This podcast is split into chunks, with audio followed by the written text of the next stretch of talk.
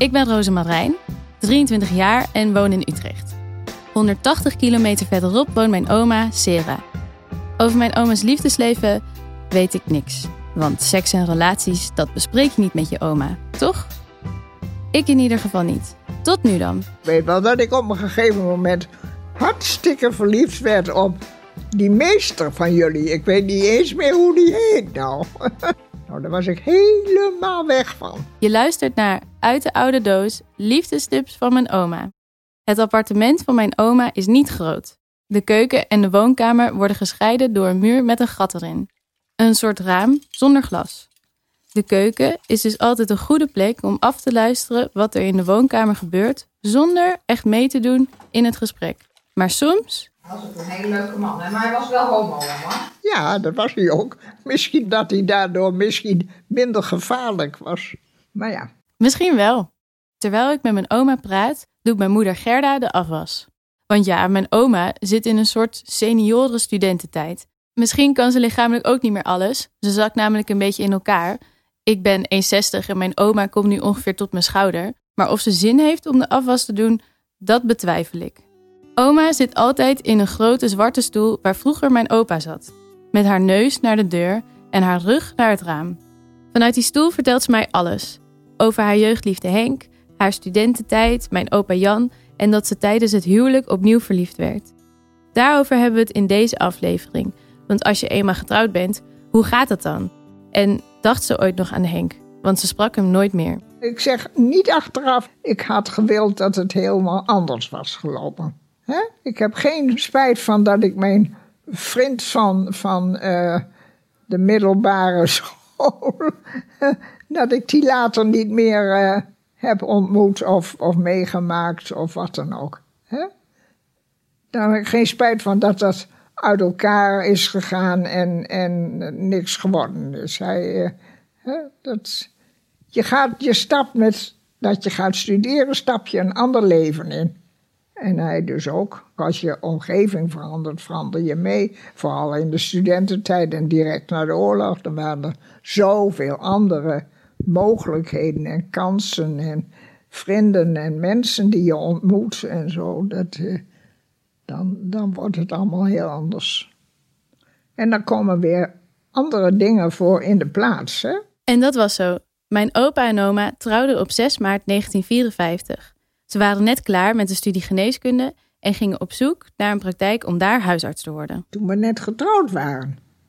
Toen hadden we één kamer aan de Kranenweg bij een mevrouw. Dat was dus ons huis. Hè.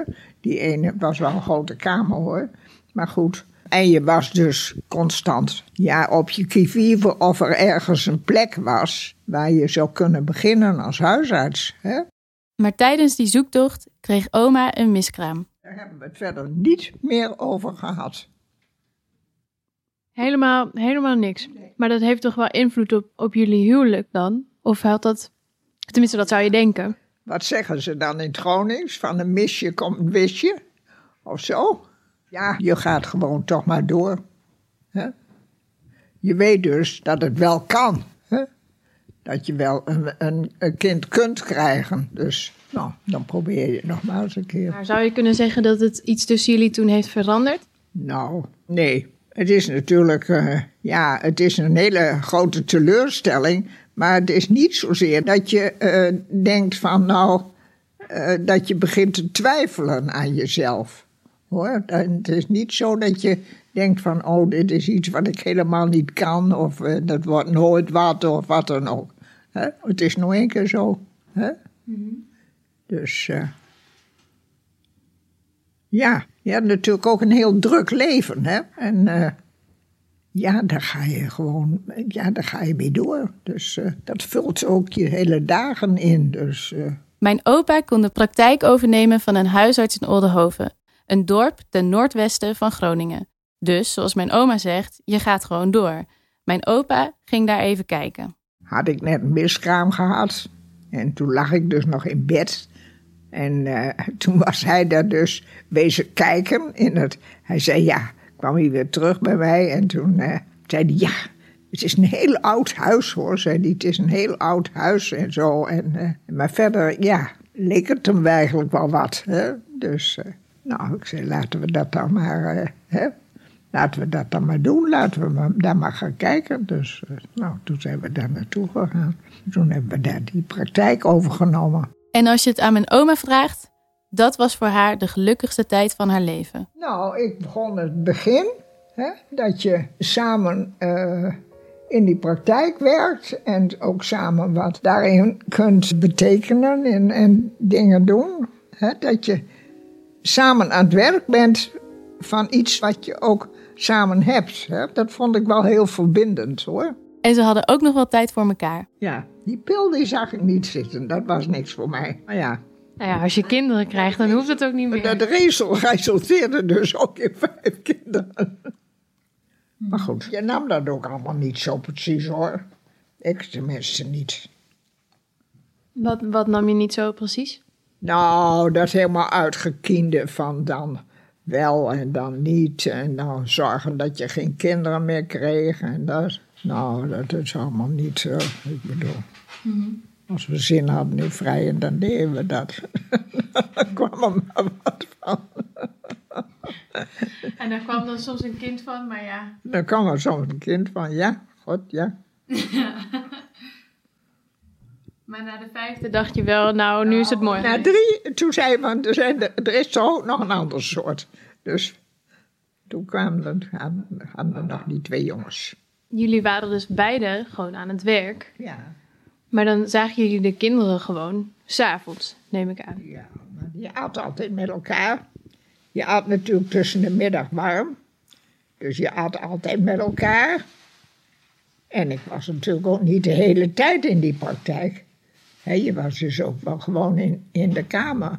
Maar als er wat kwam, dan moest je beschikbaar zijn. Dus dan ging je naar de praktijk en dan eh, hielp je die mensen.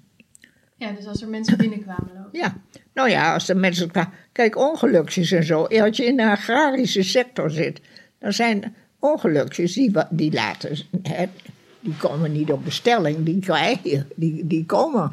Hè? Dus dan moet je er ook zijn. Hè? Dan moet je ook eh, beschikbaar zijn. Hoe lang hadden jullie dan samen de praktijk? Oh, dat weet ik niet meer, meisje. Dat weet ik niet meer. Twintig jaar. Twintig jaar waren mijn opa en oma samen huisarts. Na die jaren verhuisden ze naar Zuid-Laren, de plaats waar mijn oma nu nog steeds woont. Mijn oma ging vrijwilligerswerk doen. Mijn opa had nog een tijd een kantoorbaan. Een heel ander leven weer dus. Maar geen probleem volgens mijn oma. Mijn opa en oma waren uiteindelijk 60 jaar getrouwd. Daar doe je, daar doe je niks aan. Je leeft gewoon. Iedere dag ademhalen. Dat is eh, heel belangrijk. en eh, ja, je moet elkaar natuurlijk toch wel enige ruimte laten. Hè? Je moet elkaar een beetje, een beetje armslag geven. Hè? Als je precies wilt bepalen wat die ander allemaal mag en kan en wil en zal, dan, eh, dan ben je niet goed bezig. Je moet, ze, je moet een, vrije zone om je heen hebben waarin jij kan zelf kan zeggen: dit wil ik en dat wil ik niet enzovoort. En eh, ja, vind ik, er moet wel een zekere basis zijn om dingen die je allebei leuk vindt. Hè? Het hoeft niet alles te zijn, maar eh, als je niks van wat je partner leuk vindt, als jij dat allemaal niet leuk vindt, en hij vindt niet leuk van wat jij leuk vindt, nou dan kun je het vergeten hoor. Dan kun je het echt vergeten. Dan wordt het nooit wat. Want het is niet gebaseerd op seks. Nee, dat, daar, is, daar, daar is, is je, je stabiliteit niet op, op eh, die zit daar niet op vast. Tenminste voor mij niet. Hè? Je zei net nog een keer dat je hebt wel eens dat je dan gevoelens krijgt voor iemand anders, ondanks dat je met de ander getrouwd bent. Maar hoe, hoe zorg je er dan voor dat je daar niks mee doet? Nou, die moet je gewoon niet te veel toelaten. Je kunt natuurlijk best gevoelens toelaten bij jezelf, of niet. Je kunt wel zeggen, ja, je moet het niet ontkennen, maar tussen ontkennen en, eh, en lekker toelaten is nog een heel groot verschil hoor. Je moet het niet op gaan zoeken. Dan gaan de oortjes van mijn afwassende moeder omhoog staan en er verschijnt een lachje op mijn oma's gerimpelde gezicht. Oma was namelijk verliefd geweest op mama's leraar. En je moet misschien niet iemand opzoeken, maar als jij de huisarts bent in het dorp en er gebeurt wat. Maar ik weet wel dat hij op een gegeven moment. Toen had hij dus uh, ja, zijn hand uh, bezeerd en moest genaaid of weet ik veel wat. Nou, dat, dat was best heel moeilijk hoor. ik denk, oh god. Nou, wist papi dat dan ook? Nee, dat heeft hij nooit geweten, geloof ik. Ik ook niet. Ik heb het hem ook niet verteld. Maar dat is ook niet, dat is nog niet heel belangrijk, denk ik. Nee, ik ga er toch. Ik doe daar niks mee. Ik, ik, ik, ik weet dat ik daar niks mee wil en kan en moet. Hè? Niet dat ik dat niet zou willen, maar ik, dat kan gewoon niet. Tuurlijk, ik ga niet bij opa weg en de kinderen. Maar je hebt toch een hele tijd dat je heel veel dingen samen hebt. En die poets je ook niet weg. De heel veel dingen die je samen leuk vindt en die je gedaan hebt en, en, en waar je van genoten hebt. En die blijven, die, die blijf je samen leuk vinden. Nou, daar, ga je niet, daar loop je niet, niet zomaar overheen dat je die aan de kant gooit of wat dan ook. Hoeveel dingen heb je niet samen tegenover zo'n viezeltje wat je misschien met een ander zou hebben? Dat, is, dat, dat, dat doe je niet. Maar daarom is, het, is de verhouding tussen je wel iets anders dan uh, de eerste, eerste tijd van je huwelijk natuurlijk. Hè? Je hebt een heleboel andere dingen die ook de moeite waard zijn.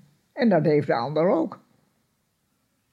En die heeft ook andere mensen die voor hem de moeite waard zijn. Hè? En daar weet je misschien niet alles van, maar goed. Wat niet weet, wat niet deert, zeggen ze mensen dan ook. Hè? Ja, je hebt uiteindelijk niet een man in je bezit. Het is geen bezit van je. Je bent ook niet het bezit van een ander. Je mag uiteindelijk nog doen wat je zelf wil. Maar je moet wel rekening houden met de ander. Ja, goed, dat zijn de consequenties. Hè? Die moet je dan ook ervaren.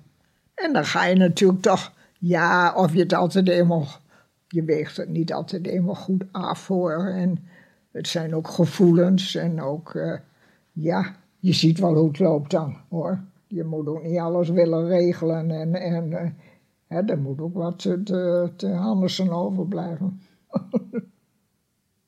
nou, en dan maak je maar eens fouten. Klaar? Mijn oma draait wat in haar stoel, pakt de zakdoek die ze altijd bij zich heeft en snijdt haar neus. Dan kijkt ze naar mij, lacht ze en wil ze nog één ding zeggen. Verliefd word je ook als je getrouwd bent, word je toch nog wel weer eens hoor. Dan kom je wel eens weer iemand tegen en denk je, oh ja, nou ja, het is het hem niet geworden, maar... Eh, maar deze is ook wel leuk. Nee, daar ga je dan niet meer verder natuurlijk. Dat laat je niet toe, laat ik het zo zeggen. He, dan denk je van, als ik hem al tien jaar eerder tegengekomen was, wie weet, maar nu niet meer. Ja. Je kunt maar met één tegelijk trouwen hoor. en je leven opbouwen. Dat is, uh, en uh, weet wel wat je weggooit als je, uh, als je erbij weggaat. Ik denk dat een heleboel mensen dat niet beseffen. Hè, wat ze weggooien, wat ze laten liggen. Want dat verliefd zijn, dat houdt ook een keer op. Soms niet hoor. Soms blijf je iemand je hele leven aardig vinden. Ja. Hoop daar maar op. Ja. Mijn oma is inmiddels vijf jaar weduwe. Hoe het is om alleen te zijn, na zo'n lange tijd samen te leven, gaat het de volgende keer. Dan mis je de aanspraak over iets wat je in de krant hebt gelezen, iets wat je op de televisie ziet, iets waar je in, in de dorp of in de winkels of zo mee geconfronteerd bent geweest. Of wat er hier in huis gebeurt. He? Daar heb je niet meer iemand voor waar je daar even mee over kunt praten. Je kunt wel met andere mensen hier in huis praten, maar dat is op een andere manier. Dus uh, ja.